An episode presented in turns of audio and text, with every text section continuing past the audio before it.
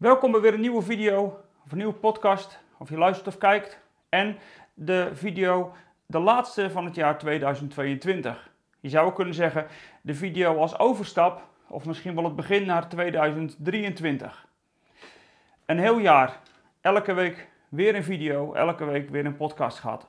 En dan nu zo'n eindejaarsboodschap, waarvan ik ook geloof dat die wel belangrijk is. Dan sta je op zo'n punt aan het eind van het jaar en aan het begin van een nieuw jaar. En kijk je ook vooruit en denk je, wat brengt ons 2023? Maar wat willen we eigenlijk in 2023 bereiken?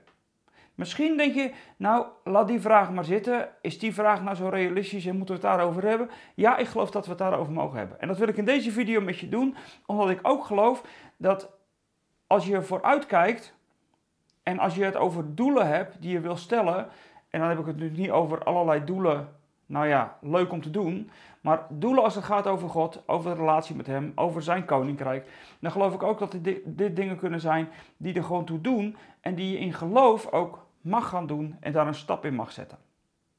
Mijn naam is Theo de Koning van eindeloosgelukkig.nl. En bij Eindeloos Gelukkig hebben we het verlangen dat elke gelovige een moedige en krachtige discipel van Jezus zal zijn. Dat is wat we iedere keer weer zeggen en iedere keer weer doen.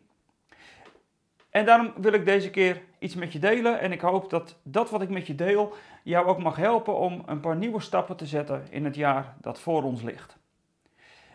Want het jaar is ten einde. En in dit jaar hebben we best wel iets geleerd. Iets wat we nooit deden bij Eindeloos Gelukkig was transparant zijn over wat het ons kost. En nou doen we dat nog steeds niet, hebben we dat nog steeds niet helemaal gedaan. Maar we zijn wel heel duidelijk geweest wat we graag wilden in 2022. En een van die dingen was een nieuwe studio, nieuwe hardware om de video's te kunnen bewerken en noem het allemaal maar op. En daarmee hebben we best wel iets genoemd waarvan we wisten dat het niet heel realistisch was dat we het financiële plaatje daarvoor ook rond zouden krijgen. We hebben jarenlang van alles gedaan en vooral ook op de website heel veel geschreven en gedaan. En we zijn nooit bezig geweest met met zo'n stap als die we dit jaar wilden zetten. Maar we merkten wel dat het videokanaal groeide en dat we daar meer mee wilden. Maar tegelijkertijd zagen we ook de beperkingen die we hadden. En dan is de vraag, wat doe je dan? Nou, zoals jullie weten, we hebben dat heel opengelegd. We zijn er transparant over geweest. We hebben gezegd dat het gewoon geld kost. En het bijzondere van het verhaal is dat we een jaar achter ons hebben liggen waarin we ons een doel hadden gesteld. Waar een prijskaartje aanhing, aanhing waarvan je dacht, ja, dat is nog nooit in een jaar binnengekomen. Dus ja, zal dat nu zomaar veranderen dan? En misschien voor velen die denken het prijskaartje waar wij het over gehad hebben, en dat is eh, pure technische verhalen hieromheen. Ik denk dat veel stichtingen en veel uh, mensen die iets in Gods Koninkrijk doen, echt nog denken van, joh Theo, waar heb je het over? Het gaat bijna nergens over, die paar duizend euro. Maar voor ons was dat wel een ding. Als we nu terugkijken, zien we dat alles er gekomen is wat we nodig hadden en zelfs nog wel iets meer dan dat. En dat is een les voor ons geweest. En dat is een les die ook niet zomaar is uitgeleerd. Een les waar je toch iedere keer weer tegenaan loopt en denkt van wat durf ik nou in vertrouwen, wat durf ik nou in geloof, welke stap durven we dan te zetten? En zo staan we opnieuw op de rand van een nieuw jaar. En al die investeringen die hebben we gedaan en daardoor hebben we het videokanaal zoals dat nu is. En we willen best wel veel meer. En tegelijkertijd zit er altijd dat, dat ja maar. Ik weet niet of je dat herkent. Dat ja maar van, maar ja, verlangen we niet te veel? Ehm, denken we niet te groot van onszelf? Nou, kan ik nog wel meer van die dingen noemen? Je kent ze vast allemaal wel. Al die ja maar's. En daarom wil ik je vandaag in deze video, deze podcast, meenemen in een verhaal in de Bijbel. Waar dezezelfde dingen spelen. En dat is maar de vraag waar je dan je vertrouwen uiteindelijk op wil stellen. Ik neem je mee op de grens tussen de woestijn en het beloofde land. Want daar gebeurt iets wat belangrijk is. Ik ga het stuk gewoon eerst met je lezen en daarna zal ik een paar dingen met je erover delen. En ik hoop dat dat je meeneemt naar 2023 en dat je een doel mag stellen voor dat wat jij mag betekenen voor het koninkrijk van God. Ik heb het niet over allemaal materialistische doelen. Ik heb het niet over alles wat leuk is voor deze wereld. Maar voor datgene wat jij mag betekenen voor het Koninkrijk van God in 2023. En welk doel durf jij dan te stellen? Waar durf jij je naar uit te strekken? Wat verder gaat als datgene wat altijd wel haalbaar was. Want weet je, heel eerlijk gezegd, tijd met God schrijven op eindeloos gelukkig, dat was allemaal best wel haalbaar. Dat zat allemaal in datgene wat wij konden.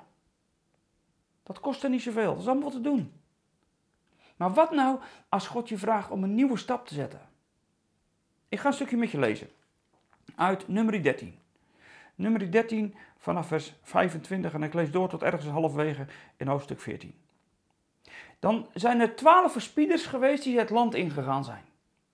Die twaalf verspieders die hebben het land bekeken. Wat God hen had beloofd, maar wat nog niet van hen was. Wat God hen zou geven, maar wat ze nog wel moesten innemen. En Mozes had ze erop uitgestuurd. En dan, nadat ze het land 40, jaar, 40 dagen lang hadden verkend, keerden ze terug. Naar Kades in de woestijn van Paran, naar Mozes, Aaron en de andere Israëlieten. Ze brachten dan het hele volk verslag uit en lieten de vruchten van het land zien. Wij zijn in het land geweest waar u ons naartoe hebt gestuurd, vertelde ze Mozes. Werkelijk, het vloeide over van melk en honing en deze vruchten groeien er. Maar daar staat tegenover dat de bevolking van het land sterk is. De steden zijn versterkt en heel groot. En ook hebben we Enakieten gezien. In de Negev wonen Amalekieten, in het bergland de Hethieten, Jebusieten en Amorieten. En aan de kust en langs de Jordaan wonen Canaanieten. Caleb, dat is een van de twaalf, die wilde voorkomen dat het volk zich tegen Mozes zou verzetten en zei: Wij kunnen zonder probleem optrekken en het land in bezit nemen. Wij kunnen dit volk makkelijk aan. Maar de mannen die met hem mee waren gegaan, zeiden: We kunnen dat volk niet aanvallen, het is te sterk voor ons. En ze vertelden de Israëlieten allerlei ongunstigs over het land dat ze verkend hadden. Het land dat wij op onze verkenningstocht doorkruist hebben, zeiden ze, verslindt zijn inwoners en alle mensen die we er gezien hebben waren uitzonderlijk lang. We hebben zelfs reuzen gezien, de Enakieten. Vergeleken bij dat volk van reuzen voelden wij ons maar nietige sprinkhanen en veel meer zullen we in hun ogen ook niet geweest zijn. Hierop barst het hele volk in tranen uit. Heel de nacht door klonk hun gejammer. Ze begonnen zich allemaal te beklagen. Waren we maar in Egypte gestorven, zeiden ze tegen Mozes en Aaron, of hier in de woestijn. Waarom brengt de Heer ons naar dit land? Om door het zwaard geveld te worden, om, door onze, om onze vrouwen en kinderen er te laten buitmaken. We kunnen beter teruggaan naar Egypte. En tegen elkaar zeiden ze, laten we een leider kiezen en teruggaan naar Egypte. En toen wierpen Mozes en Aaron zich ter aarde ten overstaan van de voltallige gemeenschap van Israël.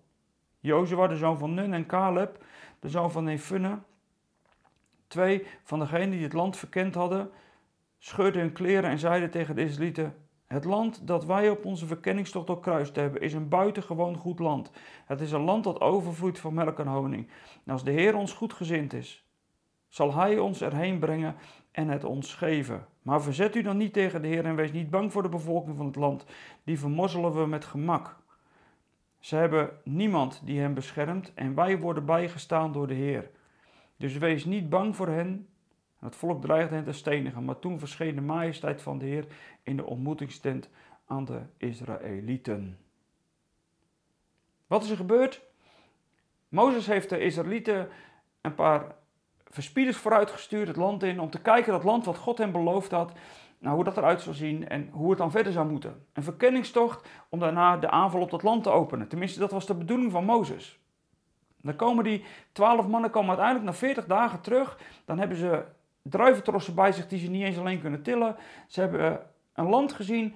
Het is beter dan het beste land op aarde. Dit hadden ze nooit kunnen dromen.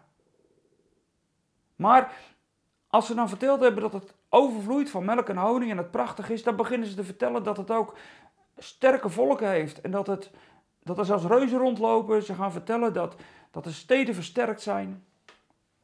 En eigenlijk, je ziet het al fout gaan. Ze gaan precies benoemen wat zij zien, wat zij in normale omstandigheden nooit zouden kunnen behappen. Datgene wat ze voor zich zien, dat is voor hen niet in te nemen met hun menselijke kracht die ze altijd hebben gebruikt. Caleb staat er dan, die wil voorkomen dat het volk opstaat tegen Mozes en tegen Aaron. Caleb is een van de twaalf en samen met Joshua zijn ze de enige twee die hun vertrouwen durven te stellen op de Heer. En het is opmerkelijk dat dan Caleb zegt, ja, en het is bijzonder hoe het er staat. dan staat er, Caleb wilde voorkomen dat het volk zich tegen Mozes zou verzetten en zei, wij kunnen zonder probleem optrekken en het land in bezit nemen. We kunnen het volk makkelijk aan. Die tien vertellen wat anders, maar die twee, en hier aan Caleb en straks komt Jozua daarbij, en die twee die zeggen, wij kunnen dat volk aan. En later vertellen ze samen dan hoe dat, dat eruit ziet. Dan vertellen ze gewoon, als God ons goed gezind is, als de Heer ons goed gezind is, dan zullen we dat land innemen en het in bezit krijgen. Dan zal God het ons geven. Als God ons welgezind is. Weet je, als je naar de situatie hier kijkt, dan kun je maar één ding zeggen. Als je het van je menselijke kracht, als je het van alle tactische plannen laat afhangen, als je het van alles wat wij kunnen bedenken zou uit gaan voeren, dan zou het een grote mislukking worden. Dat kan gewoon helemaal niet. Dit volk, dit land innemen. Dat kan niet. Die tien zijn niet gek. Die tien hebben goed gekeken. Alleen ze redeneren vanuit dat wat zij denken dat kan. Dat is net wat ik zelf zei, met eindeloos gelukkig. Weet je, tijd met God schrijven, we weten dat dat past binnen onze mogelijkheden.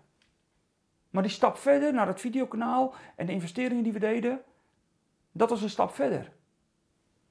Een hele grote stap verder. Dat past helemaal niet in ons plaatje. We wisten dat we het nodig hadden. We wisten dat, we, we wisten dat dat nodig zou zijn om de volgende stap te zetten. Maar, en hier gebeurt precies hetzelfde. En ik denk dat het in jouw leven hetzelfde is. Dat gebeurt bij jou ook regelmatig. Dat je, dan kijk je op de grens van een nieuw jaar, kijk je vooruit en denk je, wat kan ik nou betekenen voor het koninkrijk van de God die ik dien? En dan bedenk je wat er in jouw mogelijkheden ligt. En blijf je in dat kringetje ronddraaien waarin je misschien al jaren ronddraait. Dan doe je vrijwilligerswerk, dan doe je werk in de kerk. Je doet je ding. Maar die volgende stap. Is het mogelijk dat je uiteindelijk een stap verder komt in de bestemming die God voor jou heeft uitgedacht? Kijk, dat volk staat hier op de grens om in hun bestemming te mogen gaan wandelen. De bestemming van leven in een land van overvloed leven in een land onder de zegen van God. Eindeloos veel zegen. Ze staan hier op de grens. En ze kunnen zomaar de stap zetten. Ze doen het uiteindelijk niet. Maar ze kiezen ervoor om te blijven denken binnen het kader wat zij in hun menselijke brein kunnen, kunnen bedenken. En verder gaan ze niet. En die tien mannen die dat zo hebben uitgesproken, die volgen ze. Dat is ook de meest veilige route. Dat is een veilige route, want dan blijf je nu waar je bent. Neem je geen enkel risico. Alleen het is maar de vraag waar je dan uitkomt. Als je het verhaal verder leest, als dat volk uiteindelijk voor die tien kiest en ze dreigen Caleb en Jozua te gaan stenigen, dan verschijnt ineens de majesteit van de Heer.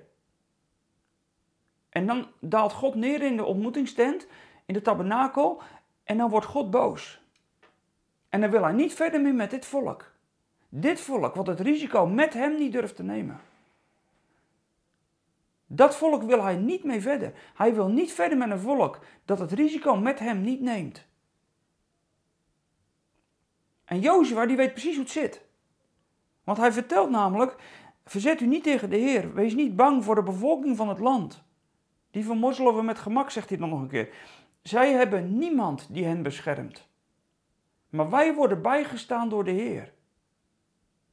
Weet je, in het koninkrijk van God is het vaak de omgekeerde wereld. Lees het Oude Testament maar door.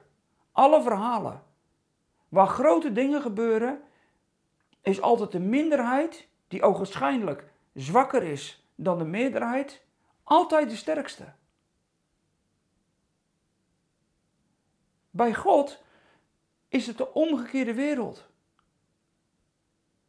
Het vol, de minderheid met God is altijd sterker dan de meerderheid zonder God.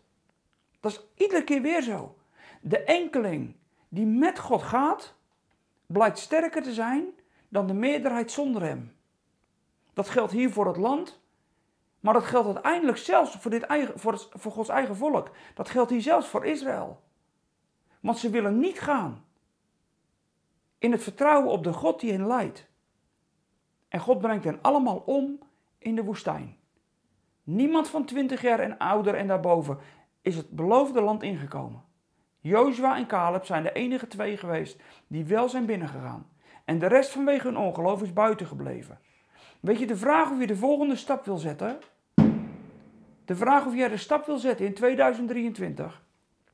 Om je doel te stellen samen met God. Om dat voor Hem te doen wat Hij van je vraagt. Dat is het verschil tussen blijven leven in de woestijn of, blijven, of gaan leven in een land dat overvloeit van melk en honing. En dan heb ik het niet over materialisme, dan heb ik het niet over een welvaartsevangelie, helemaal niet.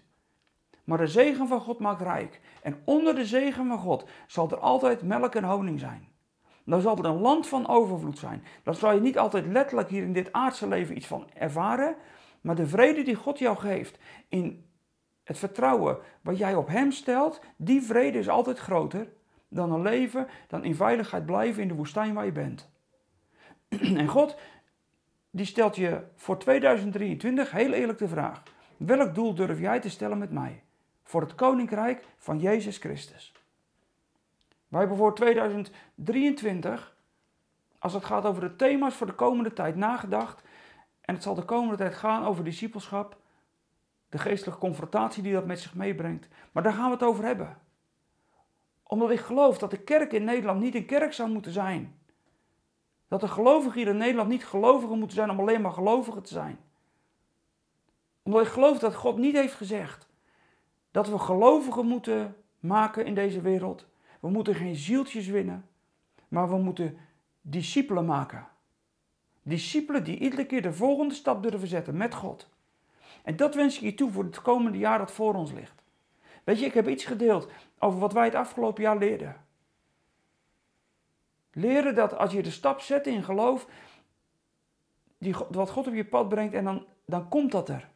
Dan mag je die stap ook zetten. En dat is precies hetzelfde voor 2023.